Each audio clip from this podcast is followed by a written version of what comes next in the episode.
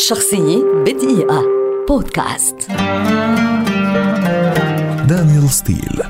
كاتبة روائية أمريكية شهيرة ولدت عام 1947 وتعد واحدة من أبرز الروائيات على مستوى العالم اليوم وهي من بين الأكثر مبيعا على مر العصور إذ وصلت مبيعات كتبها لأكثر من 800 مليون نسخة. ظهر شغف دانيال للكتابة بعمر صغير فبدأت كتابة القصص منذ الطفولة وبعد تخرجها عملت في شركة للعلاقات العامة وهناك لفتت انتباه أحد العملاء الذي نصحها بالتركيز على الكتاب الكتابة لتنطلق بمسيرتها الأدبية. عام 1973 أصدرت روايتها الأولى بعنوان Going Home ثم كتبت عدة روايات دون أن تتم الموافقة على نشر أي واحدة منها. لكن أخيرا في عام 1977 صدرت الموافقة على نشر روايتها Passion's Promise ثم Season of Passion بعدها بعامين. وسرعان ما تحولت دانيال إلى كاتبة كثيفة الإنتاج وأخذت شهرتها تتزايد ومبيعاتها أيضا. عام 1984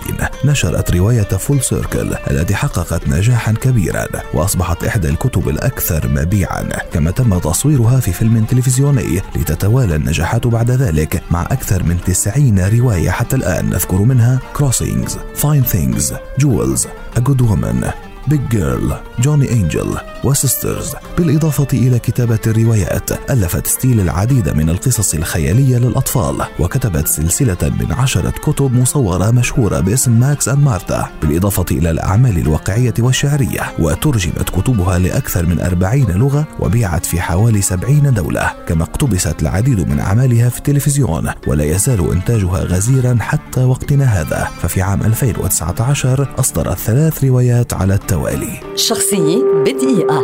بودكاست.